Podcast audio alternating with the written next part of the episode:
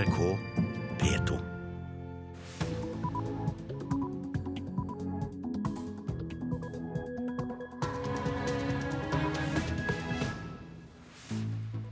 USA og EU advarer Russland mot å sende soldater til Ukraina. Ingen er tjent med at landet blir splitta, heter det.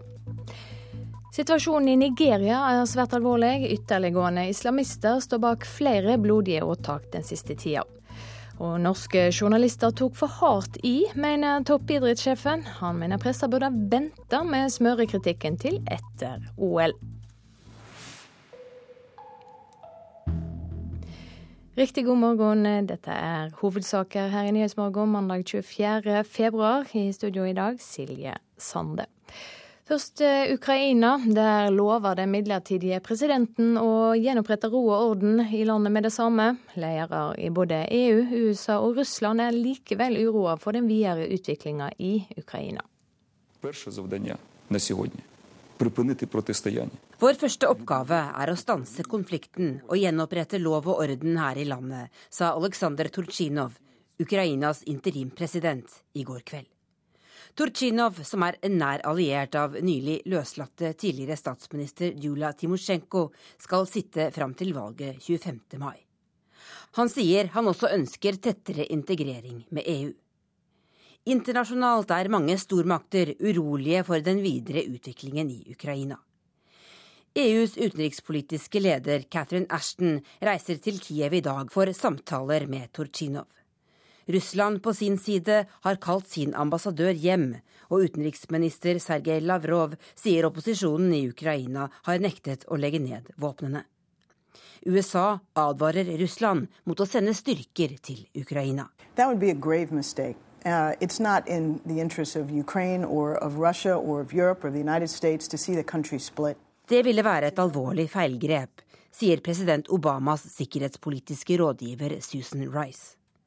Hun og flere ledere i EU understreker at det ikke er i verken Ukrainas, Russlands, EUs eller USAs interesse at Ukraina blir delt. Reporter Tove Bjørgaas. Med meg nå utenriksreporter Guri Nordstrøm med fra Donetsk øst i Ukraina. Det har vært uklart hvor den nå avsatte president Janukovitsj har tatt veien. Er det nå kjent hvor han har gjort av seg? Det er det ikke, og her i Ukraina har det jo nå blitt en stående spøk om at den nye nasjonalsporten er flyspotting.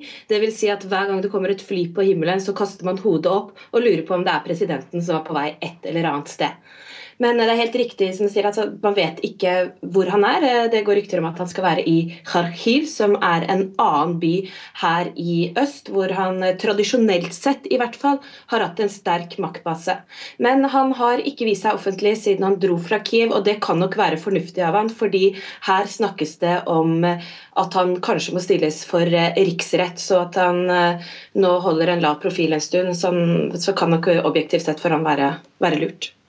Ja, For øst i Ukraina, der du er, er mange mer russiskvennlige enn i vest. Hvordan har folk der reagert på de dramatiske hendelsene de siste dagene?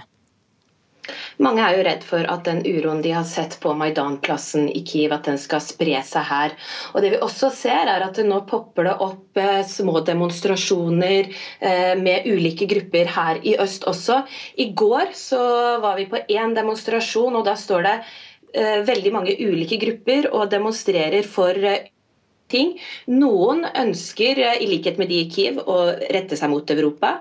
Andre ønsker regionalt selvstyre, dvs. Si at eh, øst- og sørøst-Ukraina eh, får mer selvstyre, fordi de mener at det er her mye av verdiskapningen skjer, og de ønsker å beholde de, pengene, de, den, de pengene selv. Og atter andre ønsker at, at, landet skal splittes, noen ønsker at landet skal holde seg sammen, noen vil, vil vende seg mot Russland. Så det er veldig mange ulike grupper og ulike ønsker i uh, Ukraina nå.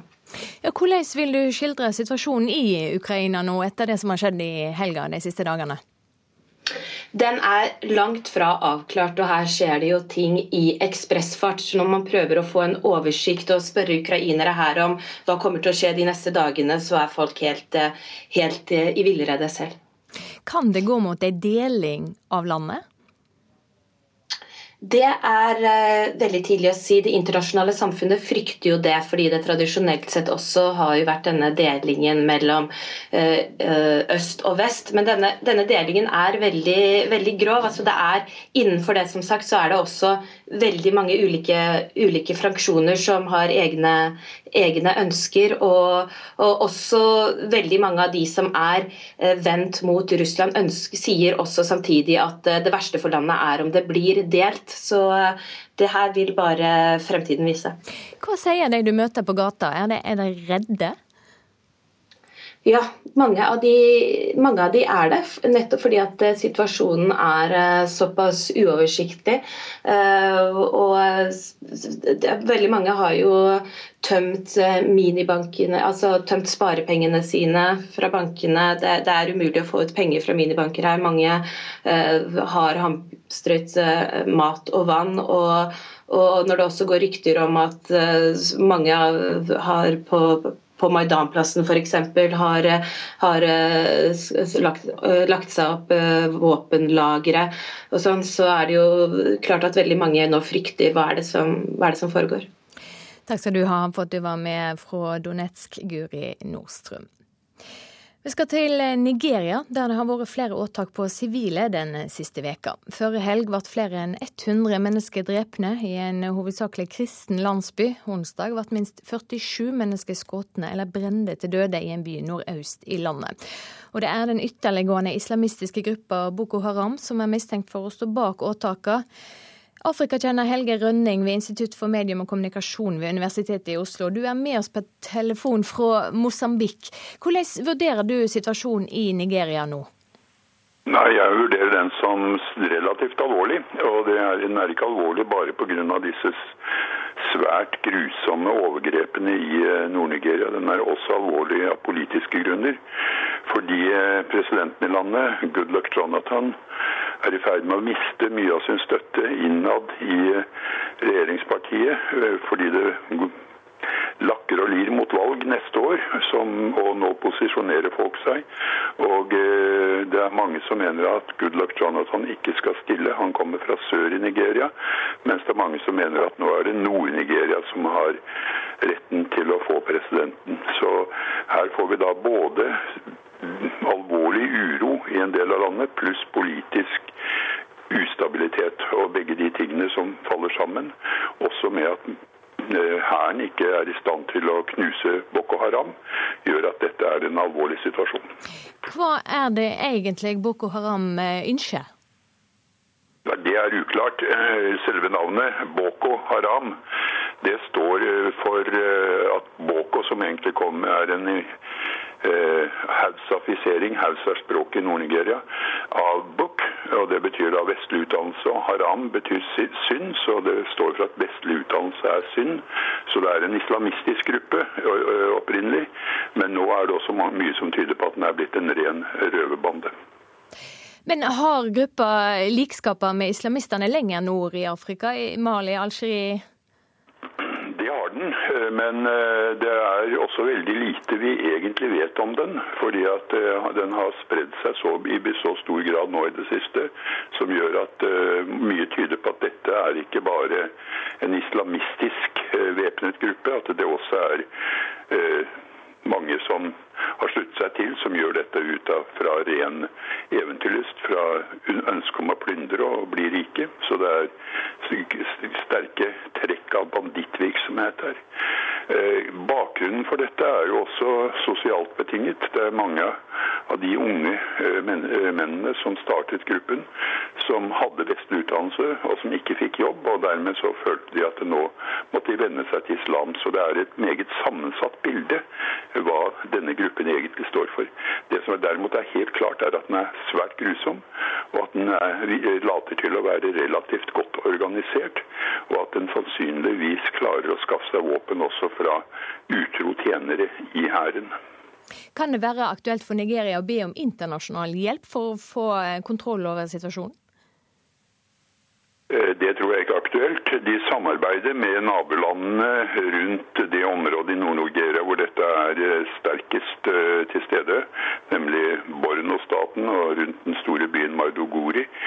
Dvs. Si land som Kamerun på den ene siden som det er litt tvilsom samarbeid med, men spesielt med Niger, som er grenser opp mot Nigeria der.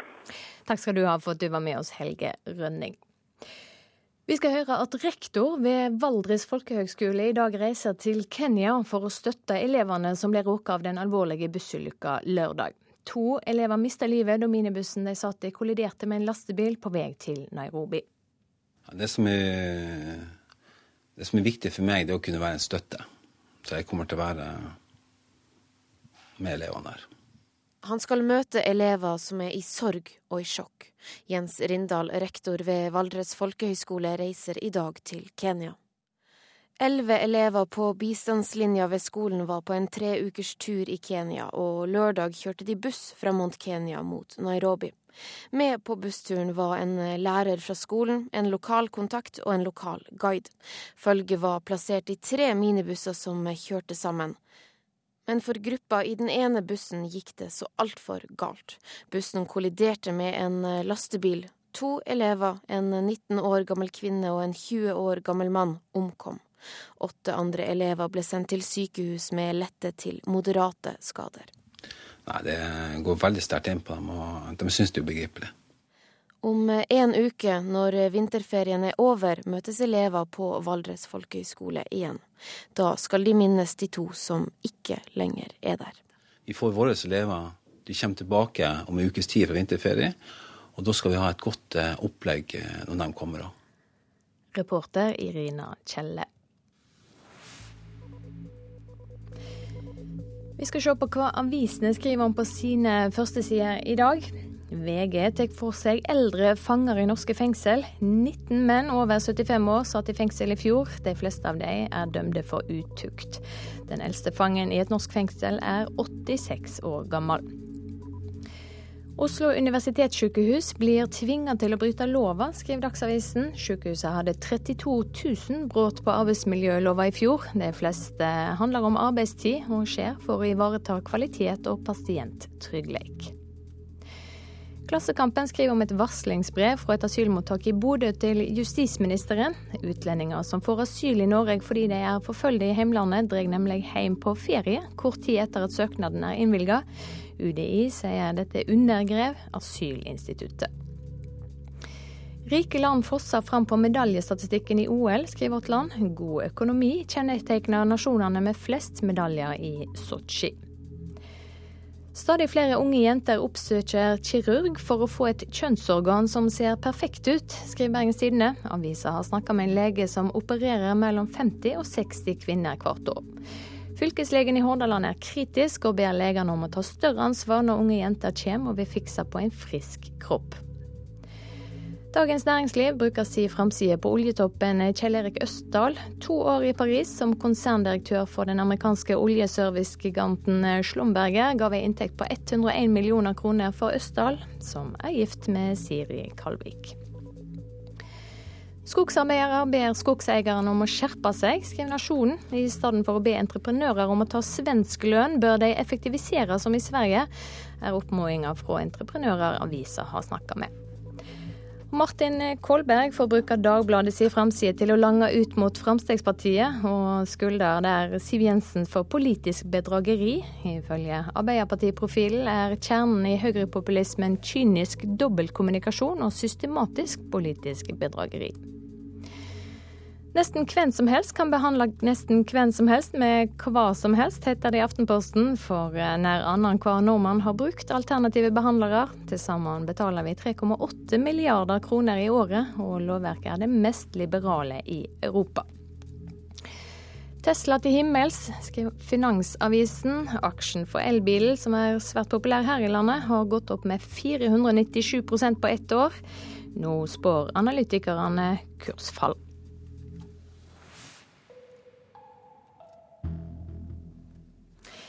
Sport nå, for eh, toppidrettssjef Tore Øvrebø er kritisk til hvordan norske journalister håndterte smørekrisa under OL.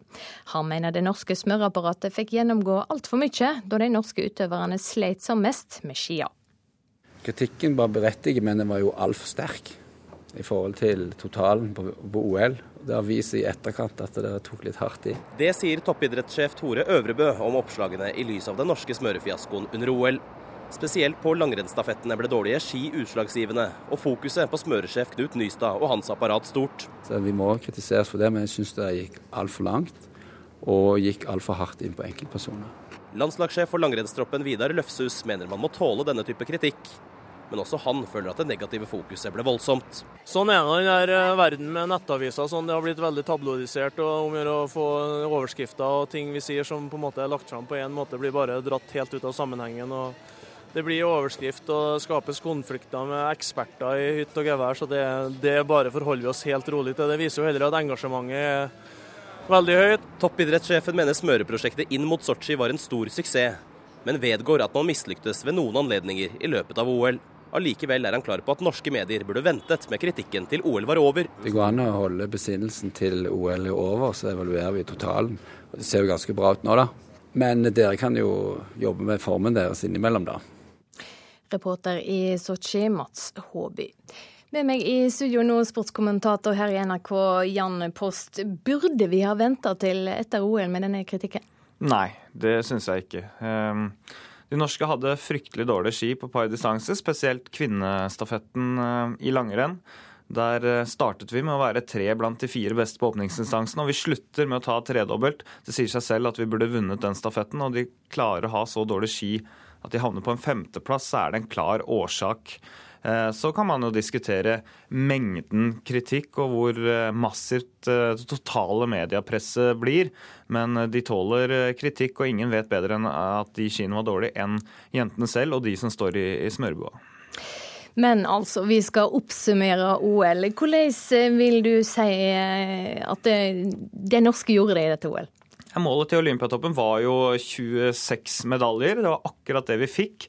Ehm, de er en kopi av rekorden fra Lillehammer, og så fikk vi elleve gull, da, to bak rekorden fra Salt Lake City. Det syns jeg er, eh, ut fra forventningene, en gjennomsnittlig bra, eh, bra antall medaljer. Så kan man si at eh, det er flere øvelser nå, så vi tar mindre prosent av medaljene enn ved disse rekordtilfellene.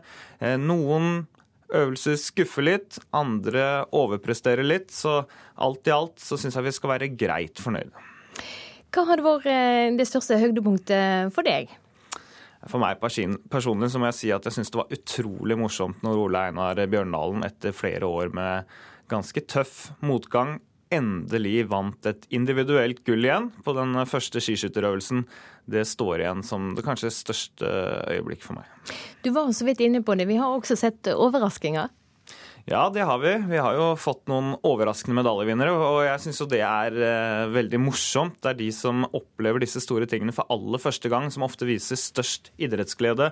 Og denne gangen så var det kanskje kombinert, da, som virkelig presterte etter også veldig mange tøffe mesterskap. Jørgen Gråbakk ble olympisk mester. Det er ikke så mange i Norge som visste hvem han eh, var for eh, to uker siden. De tok eh, totalt fire medaljer og vant også lagkonkurransen. Det var ekstremt artig. Og han var kanskje mest overraska sjøl? Ja, han var nok det. Han var jo reserve på første øvelsen og fikk ikke være med engang. Og så kommer du inn som reserve, og så vinner du hele sulamitten. Så han var litt sjokkert. Har ikke vunnet et verdenscuprenn engang. Så da blir det litt overraskende å bli olympisk mester. Det var jo mange som var skeptiske på førehånd. Hva tror du OL i Sotsji først og fremst vil bli huksa for? Sånn I ettertid så er jo ofte at vi husker de positive tingene, og da blir det nok idrettsfesten, de gode arenaene, eh, det fine arrangementet. Og så vil nok noen henge seg opp i at det selvfølgelig var altfor dyrt å arrangere disse lekene i et land hvor mange folk sliter. Så litt avhengig av hva slags perspektiv man velger, så, så husker man forskjellige ting, tror jeg. Men har Russland nå lagt lista for hvordan OL skal være?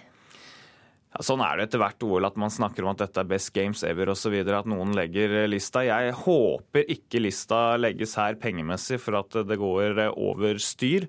Nå har jo både Sveits og Tyskland eh, sagt nei ved folkeavstemninger til å arrangere OL i 2022. Og når to sterke rike nasjoner som det sier nei, så er det et faresignal. Så jeg håper ikke at det skal koste 300-350 milliarder kroner å arrangere vinter-OL i framtiden. Takk for at du kom i studio, Jan Post. Du hører på Nyhetsmorgen i NRK P2 og Alltid nyheter. Klokka er straks 6.50, og dette er hovedsaker i nyhetene i dag. Den midlertidige presidenten i Ukraina lover å sikre ro og orden i landet så raskt som mulig. Rektor ved Valdres folkehøgskole reiser til Kenya i dag for å støtte de som overlevde den alvorlige minibussulykka i helga. Og smørprosjektet inn mot Sotsji var en stor suksess, mener toppidrettssjefen. Han mener norske journalister tok altfor hardt i i omtalen av smøreproblemer.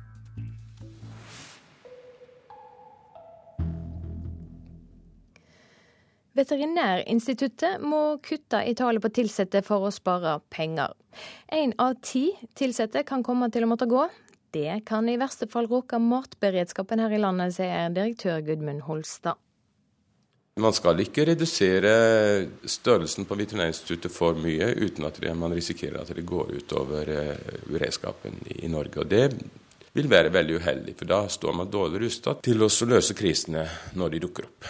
Minst 30 årsverk må altså bort for at Veterinærinstituttet skal spare mellom 20 og 30 millioner kroner. Det er nødvendig fordi pensjonskostnadene øker mer enn forventet, og fordi forskningsinntektene har gått ned. Det er vanskeligere å få midler til prosjekter i Norges forskningsråd innen våre områder. Da tenker jeg spesielt på dyrehelse og mattrygghet. Veterinærinstituttet har 280 ansatte på hovedkontoret i Oslo, og mindre avdelinger i Sandnes, Bergen, Trondheim, Harstad og Tromsø.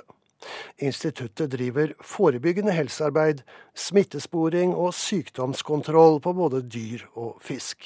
Driften finansieres derfor av Landbruks- og fiskeridepartementet i fellesskap, men mesteparten av inntektene kommer fra eksterne kilder og prosjekter. Forskerforbundet organiserer flere av de ansatte, og er bekymret for konsekvensene av at Veterinærinstituttet trapper ned. Det sier generalsekretær i Forskerforbundet, Sigrid Lem. Det betyr jo det at det går utover forskningen på veldig viktige områder for landet, for nasjonen. Eh, det betyr at det blir mindre forskning på matsikkerhet, på dyrehelse, også på fiskehelse. Likevel, ledelsen for Veterinærinstituttet lokker nå med sluttpakker for å kvitte seg med ansatte. Håpet er å unngå oppsigelser. Det sa reporter Kjell Vesje. Denne veka blir det klart hvordan minnestedene etter terroren 22.07 skal se ut. Finalekandidatene i utsmykkingskonkurransen ble i helga stilt ut på Rådhusgalleriet i Oslo. Støttegruppa for de etterlatne håper minnestedene får en god balanse mellom det å vekke vonde minner og samtidig gi ro og fred. Forslaget gir i hvert fall inntrykk på publikum. Det gjør jo for så vidt et sterkt inntrykk fordi man sitter med så mye i bakhodet på hva som skjedde. Også fordi vi har et relativt sterkt forhold til eh, Utøya og til stedet der ute. Tankevekkende, vil jeg si. Litt sårt. Det var en jevn strøm av interesserte som var innom galleriet i Oslo rådhus i går ettermiddag, der åtte finalister har stilt ut tre forslag hver til minnesteder etter 22.07. Et minnested på Sørbråten på landsiden tvers overfor Utøya. Et permanent minnested for fremtidens regjeringskvartal, med eller uten høyblokk. Og i tillegg et midlertidig som skal stå under ombyggingen av regjeringskvartalet. Juryen kan ende opp med å velge fritt fra de enkelte bidragene, og dermed kåre flere vinnere. En god løsning, synes publikum. For den fra Utøya hvor man har delt selve øya i to, at det er noe borte for bestandig, den, den tanken der syns jeg er veldig fin. Men eh, den andre delen av den, det som gjelder regjeringskvartalet, i det, i det prosjektet der, syns jeg ikke så bra som noen av de andre. Så her blir det veldig spennende. Og jeg er glad jeg ikke sitter i denne komiteen og skal ta den endelige avgjørelsen. Ja, Det blir vanskelig valg, tror du? Ja, veldig. Vi liker egentlig den her borte, hvor det er en benk. At man kan sette seg og bare reflektere over eh, livet. Det er litt enkle? Det er litt enkle. Men det var mange fine utkast, syns jeg. Som kunne. Pluss den. Og den òg. Nesten som en klagemur. Noen av dem hvor de hadde lyst til å flytte kjærlighetsstien fra Utøya og inn til Oslo i regjeringskvartalet.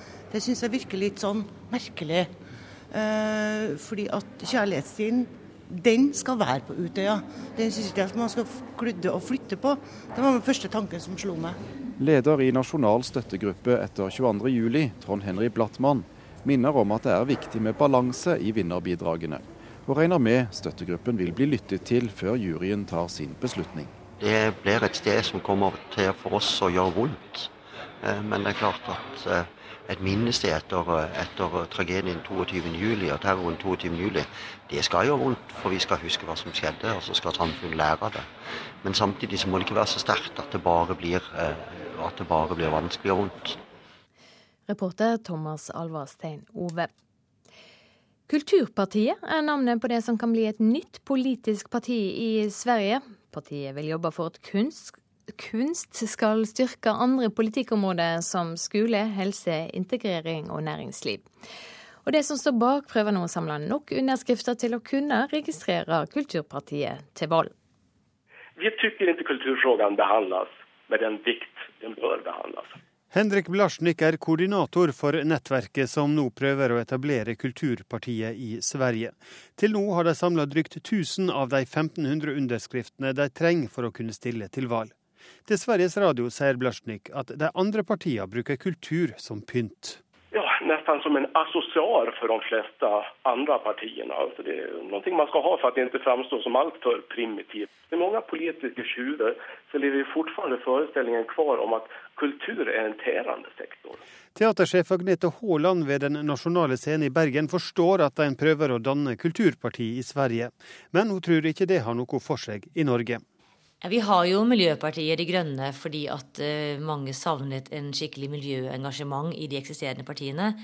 Men jeg tenker at vi har jo partier i Norge som også virkelig er interessert i å bygge og løfte kultur- og kunstlivet.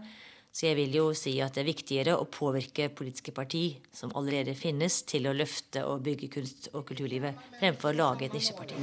Og Det er derfor som det har vekket et sånt enormt internasjonalt interesse når Feministisk initiativ har bildet. Gudrun Skyman og partiet Feministisk initiativ fikk hjelp av Jane Fonda da de stilte til valg i Riksdagen i 2006. Sammen med Piratpartiet er Feministisk initiativ eksempel på to av de nye partiene som har starta i Sverige etter 1990, forteller postdoktor Øyvind Brattberg ved Universitetet i Oslo. Han mener det svenske kulturpartiet kanskje har litt for spinkelt grunnlag til å kunne lykkes. Å danne et parti med utgangspunkt i kultursektoren er en veldig vanskelig oppgave nærmest uansett. For det første er det veldig få materielle interesser knyttet til dette, bortsett fra kulturarbeiderne selv. Det er vanskelig å se for seg at dette partiet vil ha livets rett i Sverige. Og det er veldig vanskelig å se for seg i Norge, hvor så å si alle politiske partier gjør et nummer ut av å, å være kulturvenner. Så et, et norsk kulturparti, det tror jeg er en meget fjern tanke. Reporter Espen Alnes. Så skal vi ha et værvarsel som gjelder fram til midnatt. Fjellet i Sør-Norge sørvestlig sterk kuling utsatte steder. Minkende vind i Langfjella i kveld. Perioder med sludd- og snøbyger. Østlandet og Telemark sørlig frisk bris. På kysten periodevis stiv kuling. Spredd regn, lokal skodde. Agder får perioder med regn, vesentlig i indre strøk. I ettermiddag stort sett opphold, lokal skodde. Vestlandet sør for Stad. Sørlig stiv kuling på kysten. Sterk kuling nord for Stavanger. Liten storm nord for Haugesund. I kveld minking til frisk bris. Stiv kuling ved Stad. Regn i ettermiddag forbigående opphold sør for Sognefjorden. Snø over 1000 meter. I kveld 700 meter. Møre og Romsdal og Trøndelag sørvest sterk kuling på kysten. Fra i ettermiddag sørlig liten kuling nord for Sunnmøre. I kveld minkende. Stort sett opphold. Fra i ettermiddag regn på Sunnmøre. Snø over 700 meter. Nordland får sørvestlig periodevis sterk kuling, regn. Lokalt mye nedbør i Ofoten først på dagen. I kveld sørvestlig liten kuling i sør, enkelte regnbyger. Troms sørvestlig liten kuling, først på dagen sterk kuling utsatte steder. Regn, lokalt mye nedbør i sør. Snø over 500 800 meter. I kveld enkelte regnbyger. Finnmark sørvestlig sterk kuling utsatte steder. Perioder med regn, litt snø, snø eller sludd på vidda og Nordensjøland på Spitsbergen får østlig stiv kuling utsatte steder og litt snø. Temperaturene målte klokka fire. Svalbard lufthavn minus fire. Kirkenes pluss to. Vardø pluss tre. Alta pluss to. Troms og Langnes pluss to. Bodø hadde seks grader. Brønnøysund sju. Trondheim-Værnes seks. Samme i Molde. Både Bergen, Flesland og Stavanger hadde åtte. Kristiansand-Kjevik sju. Gardermoen fire. Lillehammer seks. Røros fire. Oslo-Blindern seks. NRK P2. Den avsatte presidenten i Ukraina er som sunket i jorden. Det har aldri vært så få influensasyke som denne vinteren. Her er NRK Dagsnytt klokken sju. Det er fortsatt uklart hvor den avsatte presidenten i Ukraina, Viktor Janukovitsj, befinner seg. EU, USA og Russland er bekymret for hva som vil skje i Ukraina nå, selv om den midlertidige presidenten lover å gjenopprette ro og orden i landet. Janukovitsj bør for sin egen del holde en lav profil, sier reporter Guri Nordstrøm, som er i Donetsk øst i Ukraina. Her i Ukraina har det jo nå blitt en stående spøk om at den nye nasjonalsporten er flyspotting. Dvs. Si at hver gang det kommer et fly på himmelen, så kaster man hodet opp og lurer på om det er presidenten som er på vei et eller annet sted. Men det er helt riktig som sier at man vet ikke hvor han er. Det går rykter om at han skal være i Kharkiv, som er en annen by her i øst, hvor han tradisjonelt sett i hvert fall har hatt en sterk maktbase. Men han har ikke vist seg offentlig siden han dro fra Kiev Kiev, og det kan nok være fornuftig av han, fordi her snakkes det om at han kanskje må stilles for eh, riksrett, så at han eh, nå holder en lav profil en stund, så kan nok objektivt sett for han være, være lurt. Ugandas president Juveri Museveni undertegner i dag en kontroversiell lov som innebærer at homofile risikerer livsvarig fengsel. Lovforslaget ble første gang lagt frem i 2009, og ble da kritisert av flere vestlige land, blant dem Norge. En regjeringstalsmann sier at presidenten ønsker å undertegne loven med internasjonale medier som vitne, for å demonstrere at Uganda ikke lar seg diktere av Vesten. Aldri er det registrert så få influensasyke som denne vinteren. Det sier overlege Siri Helene Hauge ved Folkehelseinstituttet, som har målt dette i 15 år. Det vi ser når vi ser tilbake på historiske data, er jo at eh, når vi begynte i 98 og opp til i dag, så har det ikke vært så lite influensa så på denne tiden av året noen gang. Og Det ser vi både på legekontorene, det er få som kommer til legen, og vi finner få virus blant de som blir tatt prøve av. Og Det er et bilde som man også ser i andre land. Forskerne vet ikke helt eh, hvorfor, men eh, det kan ha sammenheng med at mange er blitt immune etter flere år med sterke influensautbrudd.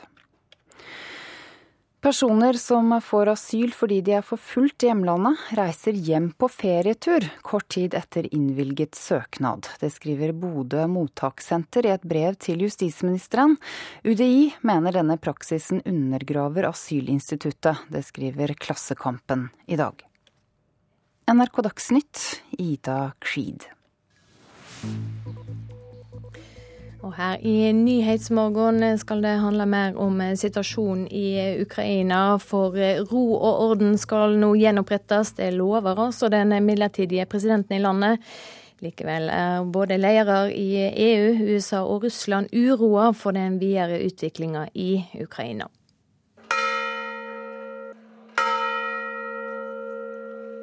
Klokkene ringer for en av demonstrantene som ble drept i Kiev i forrige uke.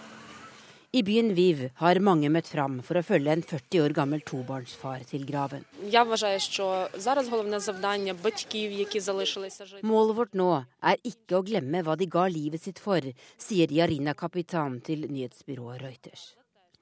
I Kiev lover den midlertidige presidenten som ble tatt i ed i går, å bevege landet nærmere EU. Men først har han umiddelbare oppgaver å ta fatt på. Første oppgave nå er å stoppe vår første jobb er å stanse konflikten og gjenopprette lov og orden her i landet, sa Aleksandr Turchinov i går kveld. Turchinov er en nær alliert av nylig løslatte tidligere statsminister Julia Tsjimotsjenko og skal sitte fram til valget 25. mai. Både EU, USA og Russland er urolige for den videre utviklingen i landet. EUs utenrikspolitiske leder Catherine Ashton reiser til Ukraina i dag for samtaler med Turchinov. Russland har kalt sin ambassadør hjem for samtaler, og utenriksminister Sergej Lavrov sier opposisjonen i Ukraina har nektet å legge ned våpnene.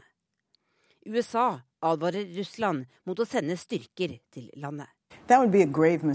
Det ville være et alvorlig feilgrep, sier president Obamas sikkerhetspolitiske rådgiver Susan Rice. Reporter Tove Bjørgaas. Med oss nå fra Kiev, reporter Kristian Aanensen. Hvordan er situasjonen i byen nå? Det har vært en rolig natt her i Kiev, og det var heller ingen store reaksjoner etter at parlamentet i går som vi hørte, ble enige om en ny president. Oleksandr Tutsjnov er, som de fleste andre politikere, er ikke spesielt populær. Men det er en forståelse om at man skal gi de gamle politikerne noe tid, samtidig som man krever at de lytter til folket på Maidan-plassen. Ja, hva sier folket på plassen om det som har skjedd? Er de nøyde? Ja, de er eh, for så vidt det. De er eh, stort sett eh, fornøyd med at parlamentet har kommet til enighet og blitt og at landet går videre. Eh, samtidig som man eh, hele tiden at det er en ganske stor politikerforakt her, som man ønsker eh, at de i mye større grad lytter til folket enn det de har gjort tidligere. Du har vært i Kiev i helga og var ved presidentpalasset like etter at president Janukovitsj hadde flykta. Hva har gjort sterkest inntrykk på deg? Det var uten tvil størrelsen på galskapen der ute. Eh, dette gigantiske palasset ligger en liten halvtime utenfor byen og er på størrelse med Monaco. Eh, det inneholder en egen dyrehage, det er en 18-hulls eh, golfbane der, vi snakker svømmebassenger, tennisbaner og, og gigantiske yachter. Og alt dette er betalt med statlige midler i et land der rundt en tredjedel lever under fattigdomsgrensen. Hvordan ser det ut i gatene i Kiev nå få dager etter det de kraftige sammenstøtene? Ja, jeg var ute og gikk en tur i går kveld, og for så vidt uh, til morgenen i dag også. og Det er da flere frivillige som jobber med å feie gatene og samle sammen søppel. Så til tross for at deler av statsapparatet er nede og at politiet er fraværende, så holder demonstrantene orden og kontroll over byen. Uh, som er nå helt ryddet, med unntak av de mange barrikadene. Vil du si at situasjonen er avklart?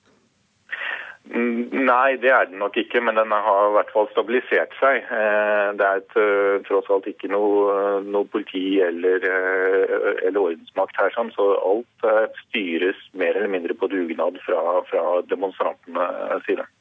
Takk skal du ha for at du var med oss, Kristian Onensen fra Kiev. Så til deg, Berit Lindemann, seniorrådgiver i Helsingforskomiteen. Hvordan vil du forklare den vendinga som kom i Ukraina i helga? Ja, altså eh, Den avtalen som ble inngått på fredag, inneholdt jo alle de viktige elementene, men det var to utestående punkter. Det var tidspunktet for når det skulle innsettes en ny president, altså dette at Janukovitsj eh, måtte gå av, og, eh, og konstitusjonen. Og eh, nå har vi eh, sett at eh, på lørdag så fikk de muligheten. De fant alle statlige institusjoner ubevoktede og kunne gå rett inn.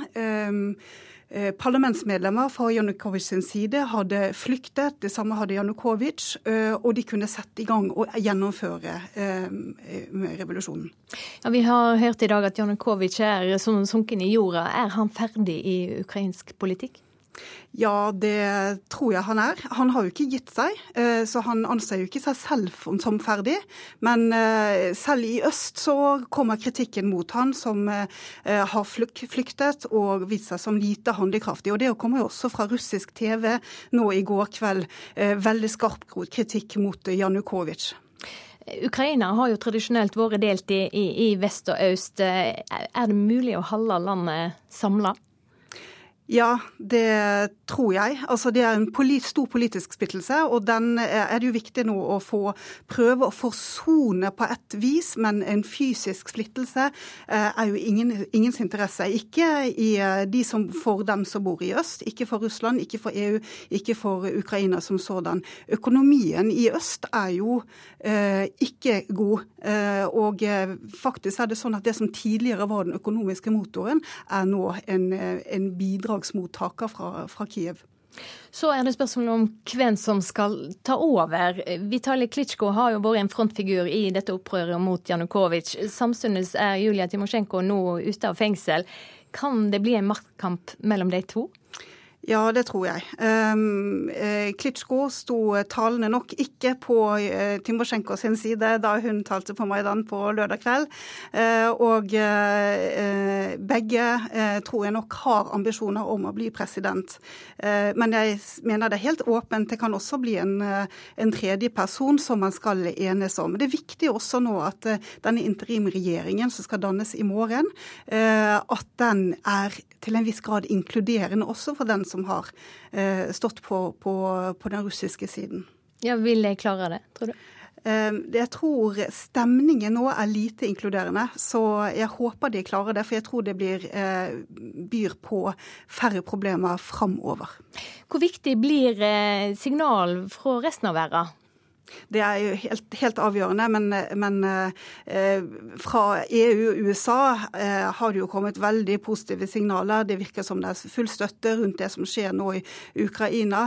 Russland, Russland er jo fremdeles en joker. De har ikke uttrykt sin støtte til dette. Og, eh, men jeg tror også de, vil, de, er raske til å eh, innfinne seg med reelle situasjoner og forholde seg til det. Takk for at du kom i studio, Berit Lindemann fra Helsingforskomiteen. Heimat nå, for eh, innstramming av asylpolitikken er viktigere enn samarbeidsavtalen regjeringa har med KrF og Venstre. Det mener stortingsrepresentant fra Frp, Christian Tybring-Gjedde. Regjeringspartiene møter i dag KrF og Venstre til avgjørende forhandlinger om hvordan avtalen skal tolkes når det gjelder asyl og innvandring. Fremskrittspartiet må få gjennomslag for en strengere asylpolitikk, mener Tybring-Gjedde. Ja, det er eh, alfa og omega for Fremskrittspartiet i regjering. Dette er viktig for veldig mange av våre velgere, og det aller viktigste for veldig mange av våre velgere. Og for meg er det helt sentralt at vi får en innstramming i politikken. Etter dagens forhandlinger skal stortingsgruppene til alle de fire partiene etter planen ta stilling til resultatet denne uken. Hvis resultatet ikke er godt nok, så jeg kan bare snakke for meg selv, og da stemmer jeg imot, eh, selvsagt. Sier Tybring-Gjedde, som altså er villig til å skrote hele samarbeidsavtalen hvis Frp ikke får gjennomslag. Vi kan ikke ha et uh, mindretallsdiktatur hvor to minipartier på 5 eh, bestemmer uh, landets fremtid med hensyn til asylinnvandringen. Det er altfor alvorlig til at to minipartier kan bestemme. I samarbeidsavtalen mellom regjeringspartiene KrF og Venstre fikk Frp gjennomslag for innstramming ved familiegjenforening og returmottak for asylsøkere som skal ut av landet, annet. KrF og Venstre fikk på plass en engangsløsning for en del av asylbarna som har vært her lenge, pluss en varig ordning som tar mer hensyn til barnas situasjon. Det er vår oppgave å få konkretisert dette på en måte som gjør at vi bedre ivaretar disse barna enn vi har gjort det nå. Sier Geir Bekkevold fra KrF. Han har vært med i forhandlingene som har pågått siden før jul, om hvordan avtalen skal omsettes i praktisk politikk. Nei, altså Jeg visste jo på forhånd at dette ville bli krevende, fordi at det er fire partier som skal bli enige. og Flere av disse partiene har jo tradisjon for å stå ganske langt fra hverandre i asyl- og innvandringspolitikk. Så jeg så liksom ikke for meg at dette skulle bli en veldig lett sak. Og lett ble det ikke. Partiene er etter det NRK forstår, fortsatt ikke enige om verken asylbarn, asylmottak eller familiegjenforening. Dette kan altså bli klart etter dagens møte. Forhåpentligvis så er vi nå i sluttfasen med tanke på å bli eh, enige. Det kan jeg ikke love, men jeg håper i hvert fall at vi nå begynner å nærme oss en avslutning. Geir Bekkevold fra Kristelig Folkeparti. Han er også gjest i Politisk kvarter om en halv time. Reportere Katrin Hellesnes og Siv Sandvik. Aldri er det registrert så lite influensa som denne vinteren. Det syner tall fra Folkehelseinstituttet. Også på Iledal legekontor i Oslo har de merka lite til influensasesongen så langt i år. Ja da, det skal vi ordne. Fødselsdatoen din. Skal vi se, da har jeg en time til deg onsdag. De har litt roligere dager på legekontoret. Mens det i fjor på denne tida var stor pågang av pasienter med influensa, har det i år vært lite, bekrefter fastlege Terje Johansen. Det har vært veldig lite pågang. Jeg har eh, hatt én pasient, faktisk. En, eh, en, mann som kom og hadde typiske influensasymptomer. og Da tok jeg prøve, og det viste seg å være influensa. Men ellers har det ikke vært en eneste pasient hvor jeg har eh, mistenkt at det skulle være det. Feber, hodepine og verk i kroppen er de typiske symptomene på influensaen, som vanligvis rammer mange av oss fra desember til februar. Men så langt i år har det vært uvanlig lite, bekrefter overlege Siri Helene Hauge ved Folkehelseinstituttet. Det vi ser når vi ser tilbake på historiske data, er jo at eh, når vi begynte i 98 og opp til i dag, så har det ikke vært så lite influensa så på denne tiden av året noen gang. Og Det ser vi både på legekontorene, det er få som kommer til legen, og vi finner få virus blant de som blir tatt prøve av. Og Det er et bilde som man også ser i andre land. Forskerne vet ikke hvorfor det er så lite influensa i år, men de har noen teorier. Og mange lurer på om det er fordi det er en mild vinter. Det har vi ingen data som viser at det er lite influensa hvert år når det er mild vinter, og at det skal være mer influensa når det er kaldt. Eh, man kan jo tenke seg en sammenheng. Eh, vi vet jo at eh, influensavirus trives jo bedre i kulden, så det kan jo være en sammenheng, men det må vi forske videre på. I tillegg så har vi jo sett at fjorårets influensa var ganske kraftig. Mange ble syke. Og det gjør at det er en immunitet i befolkningen som beskytter folk mot influensa. Det har hendt tidligere at en kraftig influensatopp har kommet i mars, men verken forskerne eller fastlege Terje Johansen har noen tro på at det vil skje i år. Det kan komme, men eh, sjansen er jo mindre nå. Det pleier jo å være en topp sånn på nyåret. ikke sant? Og når den har uteblitt, så er det vel fare for i anførselstegn at det ikke, ikke kommer noe mer. Reporter Tom Ingebrigtsen. Klokka er 7.16. Eh, du hører på Nyhetsmorgen i NRK P2 og Alltid nyheter. USA og EU advarer Russland mot å sende soldater til Ukraina. Ingen er tjente med at landet blir splitta, heter det. Innstramming av asylpolitikken er viktigere enn samarbeidsavtalen med KrF og Venstre. Det mener Christian Tybring-Gjedde i Fremskrittspartiet. Og norske journalister tok for hardt i, mener toppidrettssjefen. Han mener pressa burde ha venta med smørekritikken til etter OL.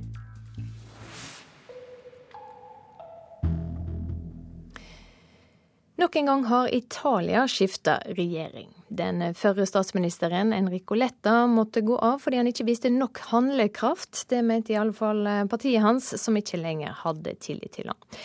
Avtakeren heter Matteo Renzi. 39-åringen er den yngste regjeringssjefen i Italia noen gang. Og europakorrespondent Åse Marit Befring, hva mer kan du si om den nye italienske statsministeren? Ja, Matteo Renzi han er ekstremt ambisiøs, han er karismatisk og en veldig energisk fyr.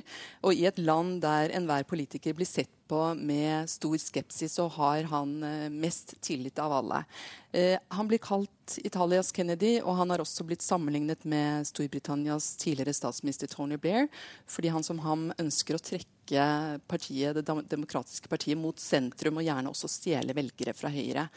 Eh, og så har han jo da sittet som ordfører i Firenze i de siste fem årene. Har vært en veldig populær ordfører, men han har aldri sittet i regjering.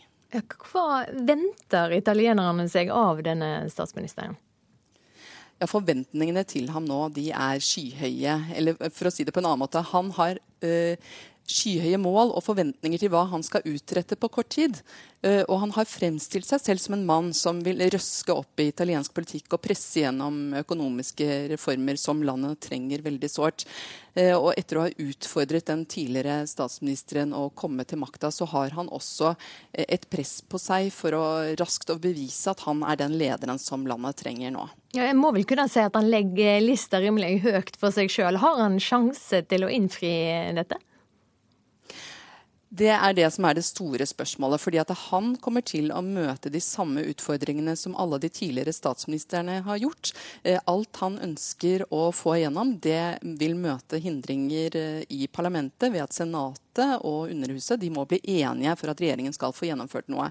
Og Han har jo lagt lista veldig høyt. Han ønsker å endre valgloven. Det var kanskje noe av det som gjorde at den tidligere statsministeren måtte gå av. Eh, og han vil reformere arbeids- og skattesystemet systemet, bl.a. for å få eh, flere av de 40% unge menneskene som er arbeidsledige, ut i jobb. Og han vil kutte i offentlige stillinger, noe han også har press på fra EU eh, for å få gjort. Eh, hva kan du si om den regjeringa han har danna? Ja, dette er den regjeringen noen gang med lavest gjennomsnittsalder Eh, de har færrest statsråder enn noen gang, og de har flest kvinner. Halvparten er eh, kvinner. Så dette skal jo til sammen skape en illusjon om at dette er et vendepunkt for Italia, og at han nå er et friskt pust. Eh, og den eldste i regjeringen det er eh, tidligere økonomisjef i eh, OECD, Pierre Carlo Padeon. Padon, eh, beklager, Padoan heter han. Og han er den som kommer til å følges best med av alle utenom statsministeren. Nettopp fordi at eh, landet trenger reformer for å komme ut av den økonomiske krisen nå. Ellers er det fem ministre som også satt i den forrige regjeringen, og veldig mange, som statsministeren selv, som ikke har regjeringserfaring. Det blir spennende å følge med på videre. Takk skal du ha, europakorrespondent Åse Marit Befring. Vi skal se på hva avisene skriver om på sine førstesider i dag.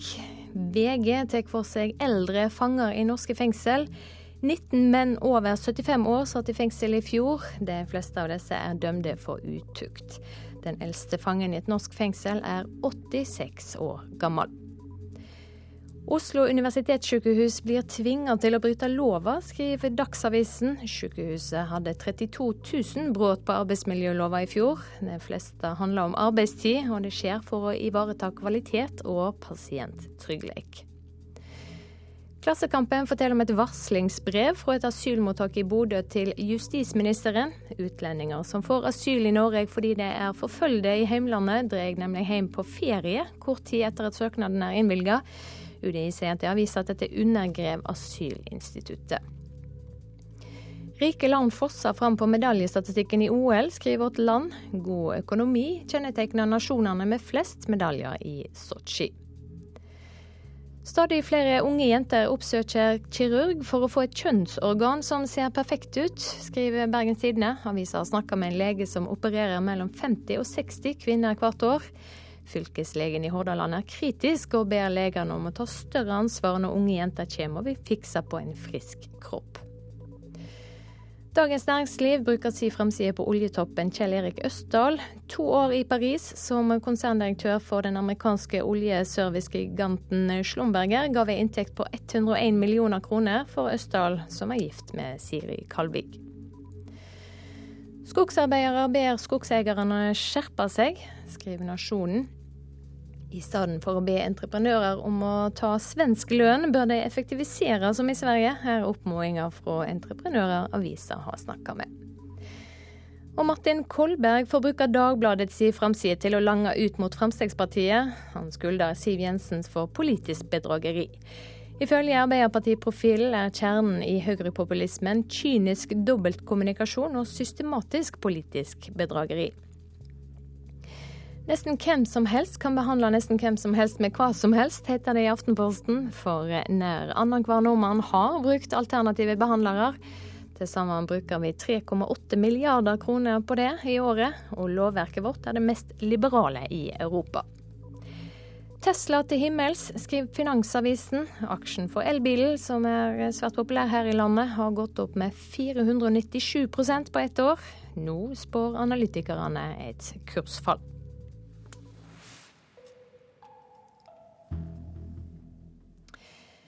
Kjøttsamvirket Nortura har brukt 20 år på å lage en ny kryssing av grisen.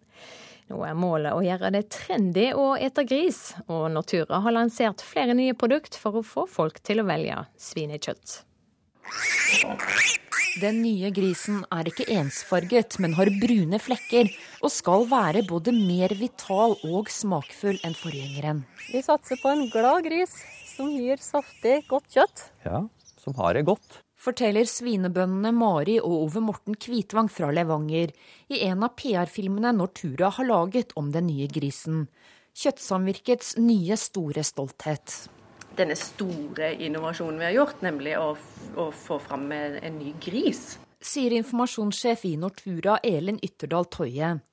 Strategien nå er å gjøre svin mer trendy gjennom nye, innovative produkter. Eh, vi ser at restauranter i New York og i London og sånn, der står jo eh, unge mennesker i kø for å spise langtidsstekt eh, svinenakke og svinesteik. Og, nå, og det ser vi jo, Trenden kommer jo til Norge òg, til restaurantene her. og Nå har vi lyst til at det, skal komme hjem på folks egne kjøkken og i tillegg. Så det vi gjør bl.a. er at vi lanserer denne uka her faktisk tre nye produkter.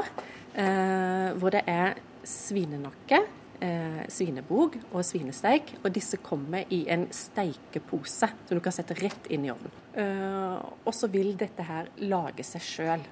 Eh, og så i mai da lanserer vi faktisk en helt ny pølse. Den gleder vi oss veldig til å se hvordan det blir, eh, blir tatt imot. Vi er kritiske til fremstøt som øker kjøttforbruket, sier avdelingsleder Kristoffer Ringnes Klyve i Framtiden i våre hender. Fordi vi, i likhet med andre europeere og mennesker i rike land, vi spiser for mye kjøtt.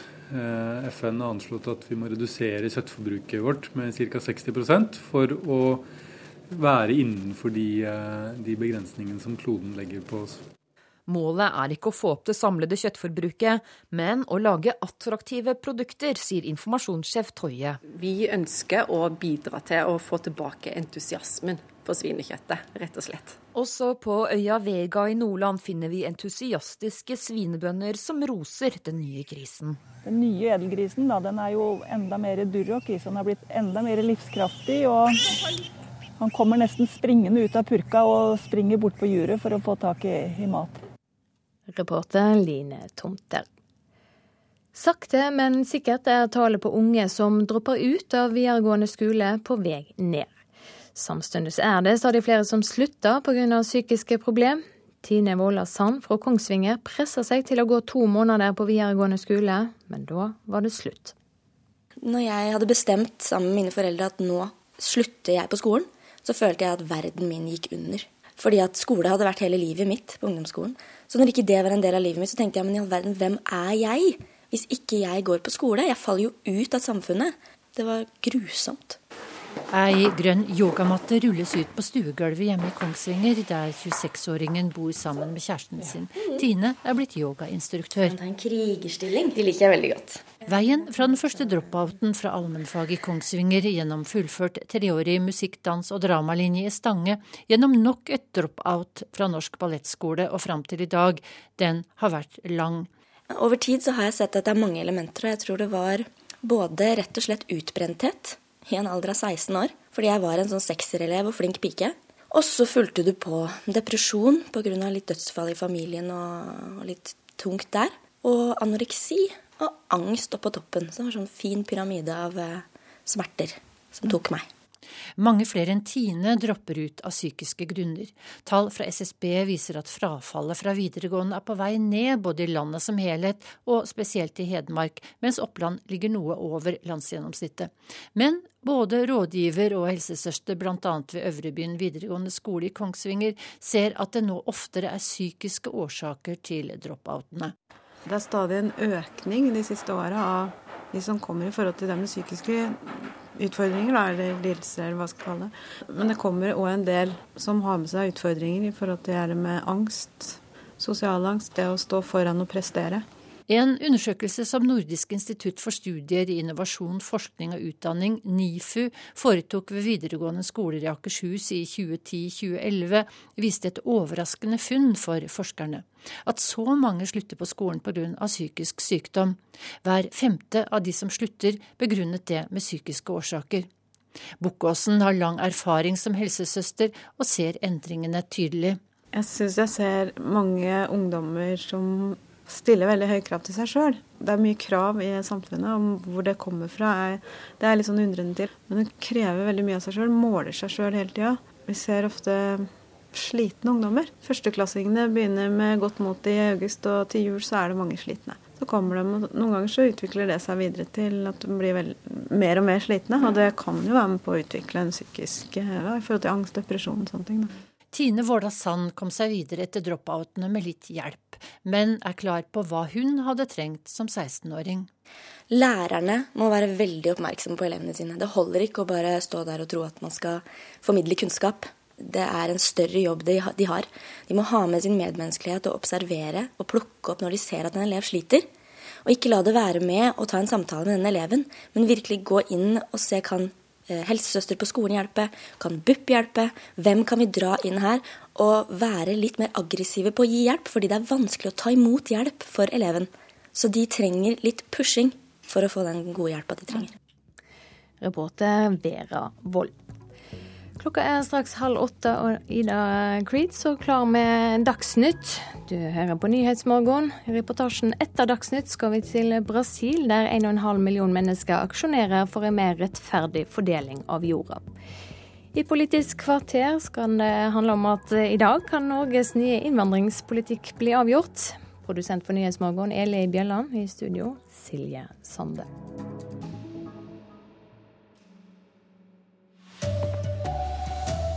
Både Vesten og Russland frykter at Ukraina skal rakne. Færre innvandrere til Norge er viktigere enn samarbeidet med KrF og Venstre, mener FrPs Christian Tybring-Gjedde. Aldri har det vært registrert så få influensasyke som denne vinteren. Her er NRK Dagsnytt klokken 7.30. Den midlertidige presidenten i Ukraina lover å gjenopprette ro og orden i landet. Ledere i både EU, USA og Russland er likevel urolige for utviklingen i Ukraina nå.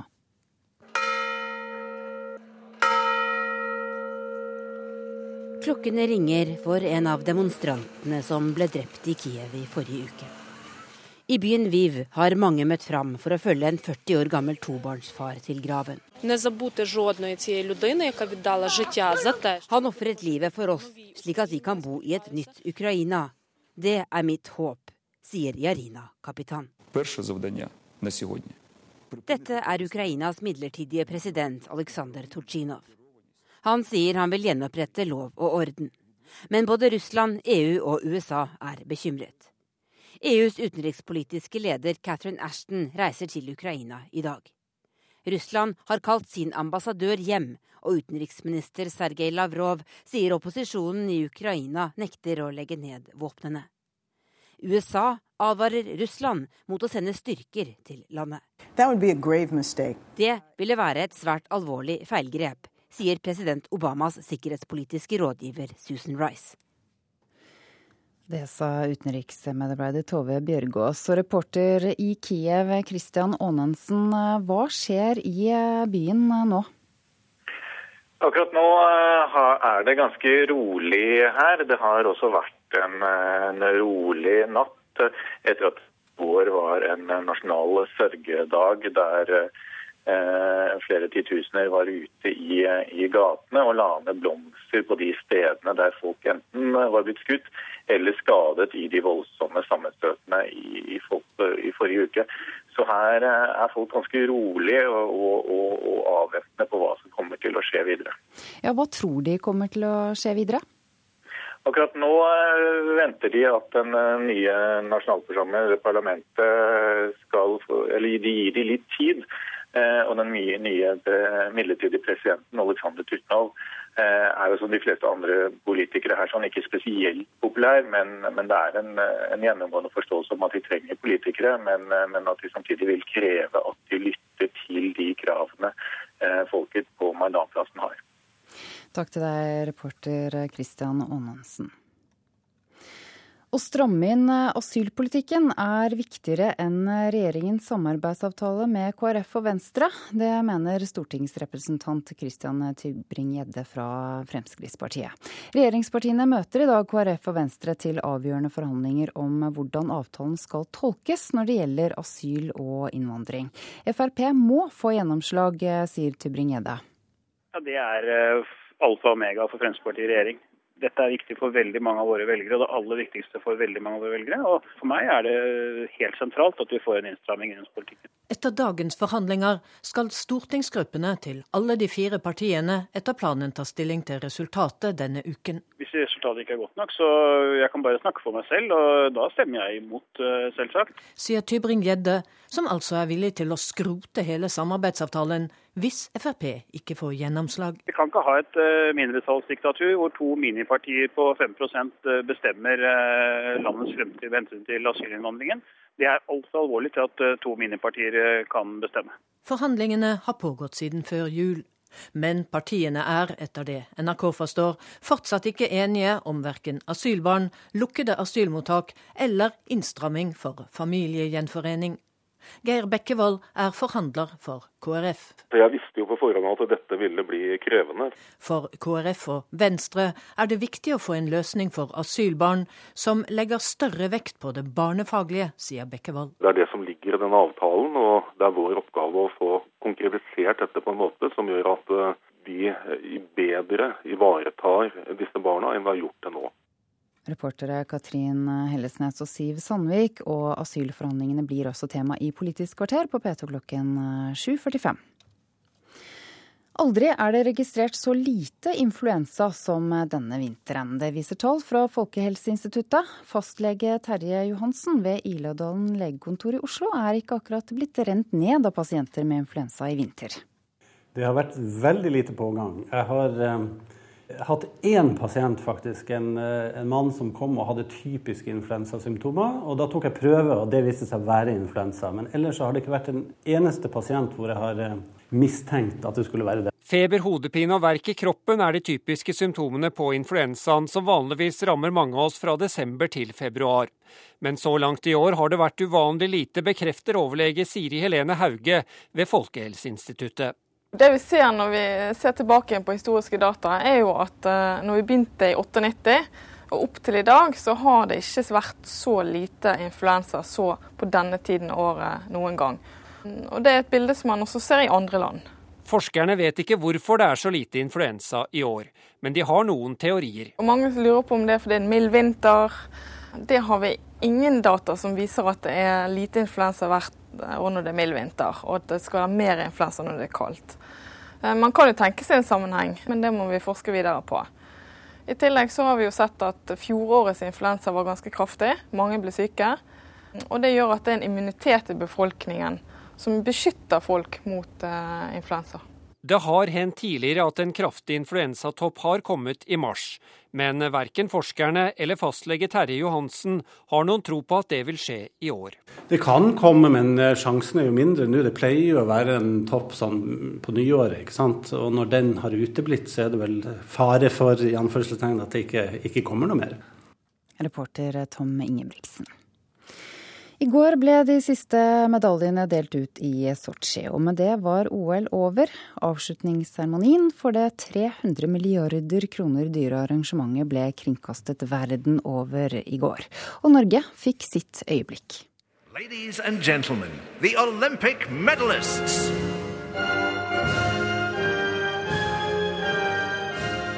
Et gull, et sølv, en bronse. Marit Bjørgen, Therese Johaug og Kristin Størmer Steira ble feira på avslutningsseremonien i Sotsji i går. For langrennsherrenes del var gårsdagen litt mer begredelig. Russisk gull, det blir russisk sølv, det blir russisk bronse. Og Martin må Men det ble elleve gull til slutt for Norge, og for Russland ble det 13. Og Russland som arrangør ble feira på OLs siste dag i går. Tonight we can say Russia delivered all what it had promised. Russland leverte det de hadde lovet, sa IOC-president Thomas Bach. Noen har kalt det Putins OL. Andre er mest glad for å kunne reise hjem med medalje. Reporter her var Irina Kjelle. Sportskommentator her i NRK, Jan Post. Hvordan kommer OL i Sotsji til å bli husket? Det kommer vel til å bli husket som det varme OL, fordi det gikk så langt sør med uvante temperaturer for folk som driver med vintersport. Det fine været, de fine TV-bildene, men også for at det var så forferdelig, forferdelig dyrt å arrangere. Det var jo stor frykt for terror og mye bråk, bl.a. rundt eh, anlegg som ikke var helt ferdige. Var disse bekymringene grunnløse? alle som kjenner den politiske situasjonen i eh, disse deler av verden, vet at det ikke var grunnløse be bekymringer. Det har vært brukt enorme eh, penger på sikkerhet, og heldigvis så skjedde det ikke noen terroranslag under OL som man kunne frykte. Hva har vært de største oppturene sett med norske øyne? Jeg vil trekke fram Ole Einar Bjørndalen, som etter noen tunge år eh, vinner gull, og også er med på et stafettgull. og Det var moro. Eh, Kjetil Jansrud kommer tilbake etter en alvorlig skade, og kombinertgutta leverer virkelig da etter flere tunge år. Det var eh, de store oppturene. Ja, og hvem har stått for de største nedturene? Fristende å svare de norske smørerne, da. Spesielt når eh, stafettlaget for kvinner i langrenn ble smørt fullstendig bort. Det endte som nummer fem. Ellers så må jeg si at både skøyteløpere, hoppere og de norske herreløperne i langrenn vel har prestert litt under par. Har det vært noen store overraskelser? Ja, For mange så vil jeg si at Jørgen eh, Gråbakk, en mann som eh, ikke hadde vunnet et verdenscuprenn, kommer og bidrar til to OL-gull, må vel kanskje være den største overraskelsen for folk flest. Takk til deg, Janne Post. Ansvarlig for denne sendingen var Arild Svalbjørg, Hanne Lunås og Ida Creed.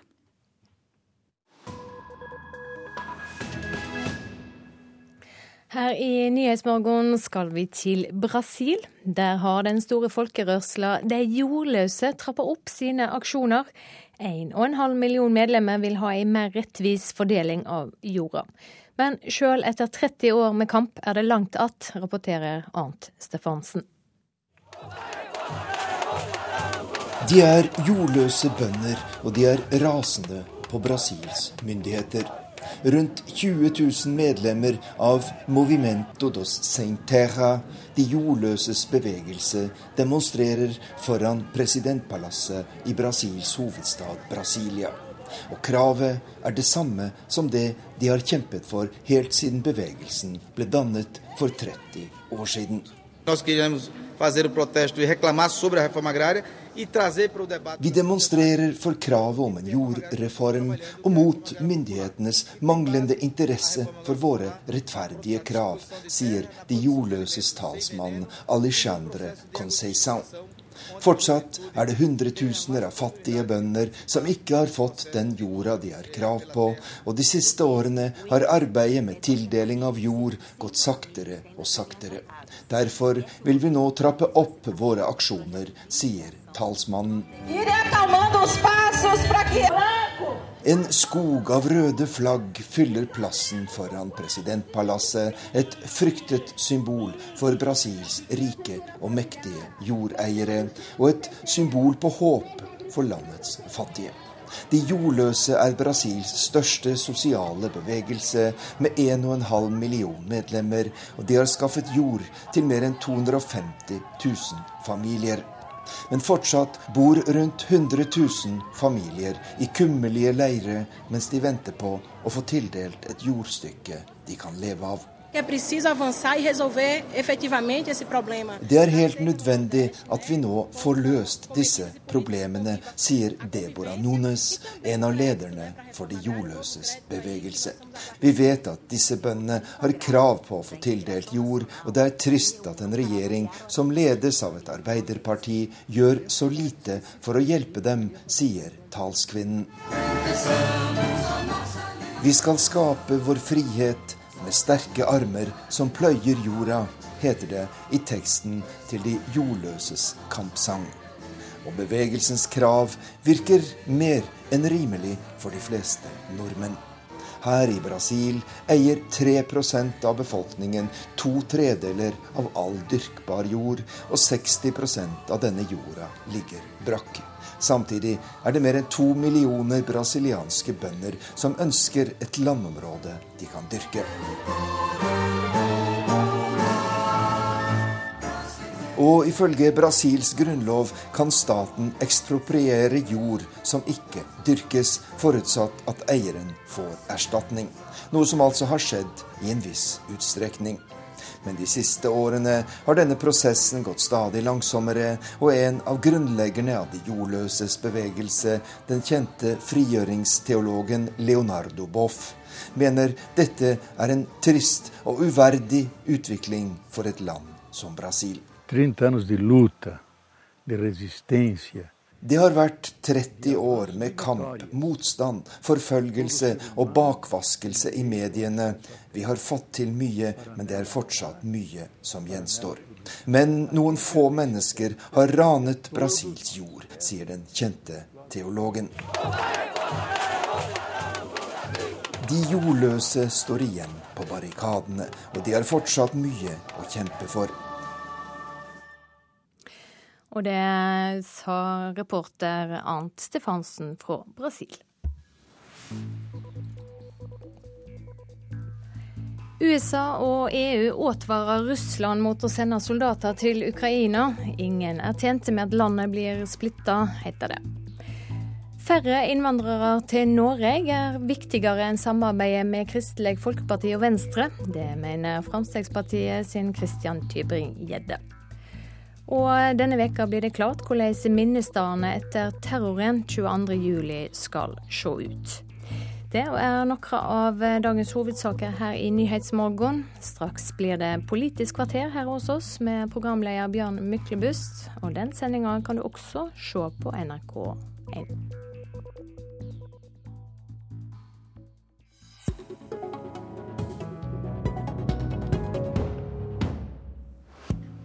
I dag kan Norge få ny innvandringspolitikk hvis de blir enige. Det er knallharde forhandlinger mellom de borgerlige partiene, for det er langt fra Frp til sentrum i disse spørsmålene. Men er det en løgn hvis jeg påstår at den innvandringspolitikken det ligger an til med de borgerlige, er ca. like streng eller liberal som den rød-grønne var? Du skal ikke lyve. Geir Jørgen Bekkevold, du leder forhandlingene for Kristelig Folkeparti. Dere har en avtale med regjeringen om asyl- og innvandringspolitikken fra i fjor, som nå skal fylles med innhold. Hvis både KrF og Frp kommer ut av disse forhandlingene i dag og er fornøyde, er det noen som ljuger da?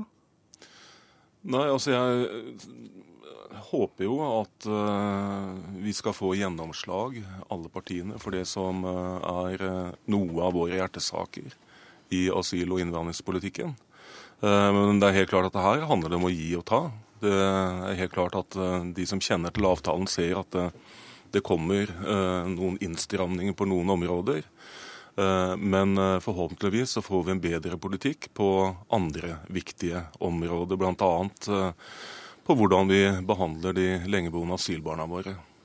Et godt kompromiss er når alle er litt misfornøyde? Jeg tror ingen som går ut av eh, forhandlingsrommet er eh, veldig fornøyd. Eh, sånn, sånn er det. Altså, det ligger innstramningsforslag som vi sitter og diskuterer nå, som ikke har vært KrF sin politikk. Jeg får nevne at de ansvarlige for innvandringspolitikken i Fremskrittspartiet på Stortinget og i regjeringen ikke ville komme hit i dag. Dere leter etter en varig løsning for asylbarn som blir lenge i Norge, en av deres viktigste kampsaker. KrF har fått gjennomslag for at det som er citat, 'barnefaglig forsvarlig', skal legges mer vekt på.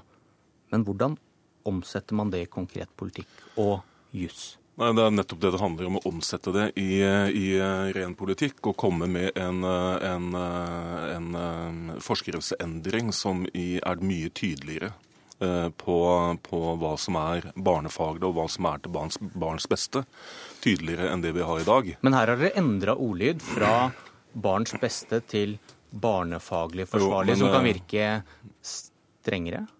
Nei, ikke, ikke, sånn som eh, vi oppfatter eh, det som man blir enige om i Nydalen i høst. Det høres ut som en mer sånn minim, minimumsstandard. Men hvorfor endrer dere ordlyden da? Det, var, eh, det, må du nesten høre med de som satt og forhandlet i Nydalen eh, om. Eh, hvorfor det var så viktig. Jeg forholder meg til det som var intensjonen i Nydalen. Og, og, intensjonen eh, var jo at vi nå skulle komme fram til en bedre politikk. Men Kan du si eh, noe konkret om hvordan man gjør det? Uh, jeg har ikke lyst til å være veldig sånn konkret i forhold til hva vi nå sitter og forhandler om, og hvor langt vi har kommet til disse forhandlingene. Eh, det må jeg nesten vente med til eh, vi er ferdige. Eh, men det handler jo om å få et tydeligere regelverk. Og vi må huske på at forvaltningen som sitter og håndterer disse spørsmålene. De styres etter lov og forskrift.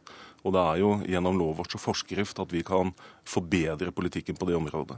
Er det nesten umulig å liberalisere asylbarnpolitikken uten at man samtidig åpner for at disse reglene kan utnyttes av foreldre med barn? Uh, altså, Det å få en varig ordning uh, kan, uh, kan, høres ut som at det blir en liberalisering, og her kan man utnytte. Men da må vi samtidig ha to tanker i hodet. Eh, vi kan gjøre en bedre eh, jobb i forhold til lengeboende asylbarna, men vi kan være samtidig veldig tydelige på eh, returpolitikk. For dette er to ting som henger sammen. Det har man ikke vært og klart å være så langt. Og det er en av grunnene til at familier og barn har blitt i Norge over lang tid. Så her prøver vi å ha to tanker i hodet samtidig. Både ivareta de barna som ikke er skyld i at man har blitt her år etter år. Prøve å ha fokus på de, samtidig som vi må ha en klarere og tydeligere returpolitikk, slik at eh, folk ikke blir værende i Norge. Og for å si det litt kynisk, sånn at ikke barn rekker å slå røtter. For det er det som er situasjonen for veldig av de mange asylbarna som er i Norge i dag. Det er at de har bodd her i mange år, slått røtter og kjenner for så vidt ikke til noe annet enn eh, landet Norge.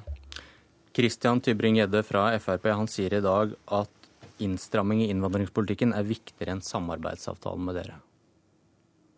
Jo, men så vet jo Christian Tybring-Gjedde, hvis han har lest uh, denne uh, avtalen, eller asylavtalen, at det kommer også innstramninger. Så um, han må i likhet med alle andre vente til vi er ferdig med forhandlingene, og så får han ta stilling til det som uh, vi er kommet fram til der. Heikki Holmås fra SV, du vil kanskje oppfordre alle til å sverte denne avtalen uansett? Nei, men jeg skal si at uh, en av de tingene som, uh, som, er viktig å få frem, er jo at Kristelig Folkeparti og SV har stått sammen om arbeidet for asylbarna helt siden denne saken første gang dukket opp. Og, og SV sammen med Senterpartiet, jeg var sjøl med på det, fremmet forslag om en varig løsning som sikret at barn som har vært mer enn tre år i, i, Norge, får muligheten til å få opphold og til å få bli i Norge. Og Bakgrunnen er veldig enkel. Det føyer seg inn i et langt historisk tradisjon den, som Norge har hatt, der vi har sagt at barnas hensyn og hva som er best for barna, er det som skal være avgjørende. Det skal ikke være sånn at barn oppfattes som et vedheng til sine foreldre. Om foreldre gjør riktige valg eller gale valg, det skal ikke være sånn at det går utover barna. Og her ser vi gjennom hele den tiden fra 2003 og frem til i dag at mange barn har måttet lide fordi foreldre har tatt valg som de ikke sjøl har vært herre over, altså som barna ikke har kunnet bestemme over. Men dere fikk det vel ikke til? Ja, Vi fikk til flere ting på flere områder. Første gangen vi fikk til noe, var når vi fremmet dette forslaget i 2003. Da var det 102 familier som, eh, som fikk opphold. Eh, vi ønsket en, en varig løsning, med, eh, varig løsning som var tydelig forankret i lov eller forskrift, som sa at det finnes en grense for hvor lenge barn skal være her før, og etter den grensen så må de få, få opphold. Da er, det, da er det ikke barns beste eller barnefaglig forsvarlig, da er det antall år som styrer om de skal få bli eller ikke. Ja, fordi... Er du her i tre år, fire år, så får du bli. Ja, fordi at uh, Min konklusjon etter å ha jobbet med dette her i alle de årene, altså fra 2003 og frem til i, i dag, det er at de endringene som tar sånne skrittvise endringer, ja, de har fått ført til at uh, flere barn har fått bli. altså 102, familier fikk bli, 102 barnefamilier fikk bli i, i, 2004. Eh, etter de endringene som kom eh, fra Kristelig Folkeparti sitt forslag, som jeg var med på å forhandle i regjering i, i 2006 og 2007, det førte til at over 1000 barn fikk bli. Og vi fikk inn en lovendring, en regelendring, som sier at hensynet til, til, barna skal være et eget selvstendig hensyn, og barnas botid skal veie tungt i, i den anledning. Men Riktig i mål kommer vi ikke før vi sier én av to ting. Enten at uh, hensynet til barnas beste skal gå foran innvandringsregulerende hensyn, eller at vi får en sånn tidsfrist på plass. Og dessverre har, ikke, har ikke samarbeidsavtalen fått det på plass. Dessverre sier UDI at av samarbeidsavtalen og den midlertidige løsningen her vil gi omtrent 170 eh, barn muligheten til å få bli, av de 750 barna som i dag har vært mer enn en, en, en tre års eh, tid i, i, i, asylmottak. Så her får vi bare fortsette å kjempe, og så venter vi å, å se på det forhandlingsresultatet Kristelig Folkeparti kommer frem til. Har dere fått til noe mer enn det Holmås og SV fikk til med Det som uh, Holmås og SV um, nå peker på, det er jo den engangsløsningen som ligger i avtalen. Og uh, Der skal jeg innrømme at den har absolutt sine begrensninger i forhold til hvor mange barn den vil omfatte. Er det et mål nå i sluttforhandlingene å øke det antallet og gjøre noe med kriteriene? Vi, vi, som sitter i forhandlinger, altså det er ikke vår jobb å, å plusse på eller trekke noe ifra. Ingen omkamper? Det, ingen omkamper. Altså det som er vårt mål Eh, og som er målet for disse handlingene, det er jo å se på hvordan hvert enkelt punkt skal gjennomføres, og uh, hvordan den praktiske politikken rundt dette her vil bli. Uh, så, uh, så Men det, det, han, det, han, sier om antall år, at det må styre om barn får bli, ikke fagre ord om jo, men alt dette, ligger jo, alt dette ligger jo på bordet i forhandlingene. Også et, et altså, alt, alt dette ligger på bordet i forhandlingene, også i forhold til den engangsløsningen. Eh, men så er jeg enig med herr Holmås. Den har sine begrensninger. Eh, vi vet ennå ikke helt sikkert hvor mange barn den vil omfatte. Eh, men jeg har bare lyst til å si en ting. I hele forrige periode jeg sa, hadde jo gleden av å sitte i komité sammen med Heikki Holmås. og vi det er helt riktig som Heikki Holmås sier, at vi sto veldig nært hverandre i disse spørsmålene. Men i den perioden så tok jeg alle til orde for en engangsløsning. Det som var viktig for oss, det var å få til en varig ordning gjennom lov og forskrift. Eh, og Derfor så er jo det punktet i denne avtalen som handler om den varige ordningen, eh, det som eh, vi bruker nå mye tid på. Men hva tenker dere to om at folket sier nei til deres asyl- og innvandringspolitikk? Det er et stort flertall som stemmer på partier som nettopp ikke vil ha en frist antall år når barna skal få bli, fordi man kanskje da mener at det, det, det vil føre til en for stor innvandring, Holmås? Altså, jeg merker meg jo at det er veldig mange eh, som eh, på spørsmål om eh, ønsker du å ta mer hensyn til barna i, i asylsaker, så sier et breie lag av folket sier ja til det. De stemmer Likevel, ikke på dere? Nei, det er riktig. Likevel så stemmer de ikke på, på våre partier. Og her tenker jeg at det er behov for å drive litt folkeopplysning. fordi at både i nabolandet vårt Sverige og nabolandet vårt andre veien Storbritannia, så har man ordninger som sikrer at det finnes grenser for hvor lenge man skal sitte i mottak, enten man er barn eller man er voksen. Og det å få gjennomslag for det er ekstremt viktig, sånn at vi unngår at dette blir politiske problemer som skal løses, eh, og der Høyre og Arbeiderpartiet og Fremskrittspartiet er med på å løse de politiske problemene, men der vi må løse de menneskelige problemene problemene som oppstår når unger, sånn som Neda, som har vært ti år av sitt eh, tolvårige liv i, eh, i, eh, i Norge, og som dermed blir, altså blir, sterkt skadelidende og traumatisert når hun blir sendt hjem igjen til, til landet foreldrene kommer fra. Bekkevold, kort til slutt. Du går i forhandlinger i dag. Det at folk er mot dere, det taler vel ikke for nei, nei, dere? Altså, jeg opplever ikke at folk er mot oss. Uh, og, De stemmer ikke på og, dere? Og, nei, men bare for å gjenta det som Heike Holmås sier, dette her, vi har sett det et store engasjement det blir når vi diskuterer dette med barn som har vært i Norge ganske lenge. Og det er tverrpolitisk engasjement. Og det har vi sett i veldig mange kommuner. Så på dette punktet så føler jeg ikke at vi jobber imot det som er folkeviljen. Jeg må si Her at her har du Frp-ordfører og Høyre-ordfører som er ute. Trude Drevland i Bergen er ute og sier at det er en okay. skam at vi ikke får gjort noe for asylbarna. Så dette her går dypt inn i også partiene på høyresiden. Men politiske grep det er de ikke villige til å ta. Politisk kommentator i NRK, Lars Nehru Sand. De kunne ikke komme hit, men hva kjemper Fremskrittspartiet for i innspurten av disse forhandlingene? Helt klart en av sine hjertesaker. Fremskrittspartiet er, I tillegg til skattepolitikken, så er innvandringspolitikken noe av det viktige for Frp å få helt synlige og konkrete resultater i. Det at de legger stor vekt på en av deres hovedløsninger på feltet, økt bruk av lukka mottak, eh, vil bli tydelig når eh, avtalen blir lagt frem. Hva er det vanskeligst å bli enige om når det gjelder asylbarn, som vi snakket om her?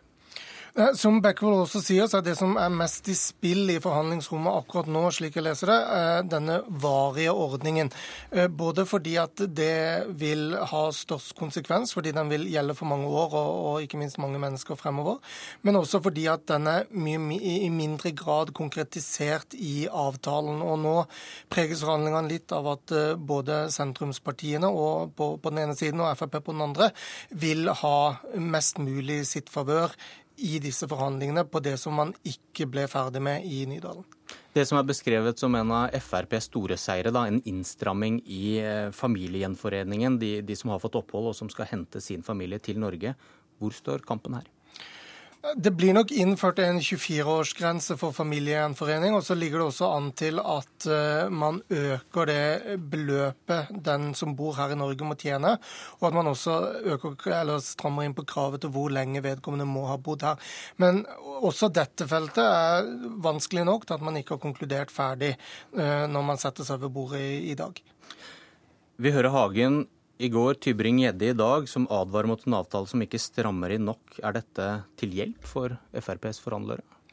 Det er i hvert fall et rop fra den delen av Frp-Norge som har et eh, stort eh, behov for å bli hørt når resultatet av disse forhandlingene blir lagt frem.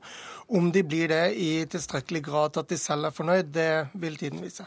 Kort til slutt, når Lars Nehru Sand, er de dømt til å bli enige?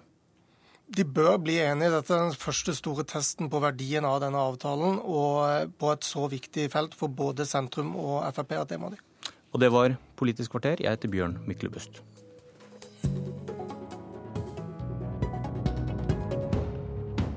Hør flere podkaster på nrk.no podkast.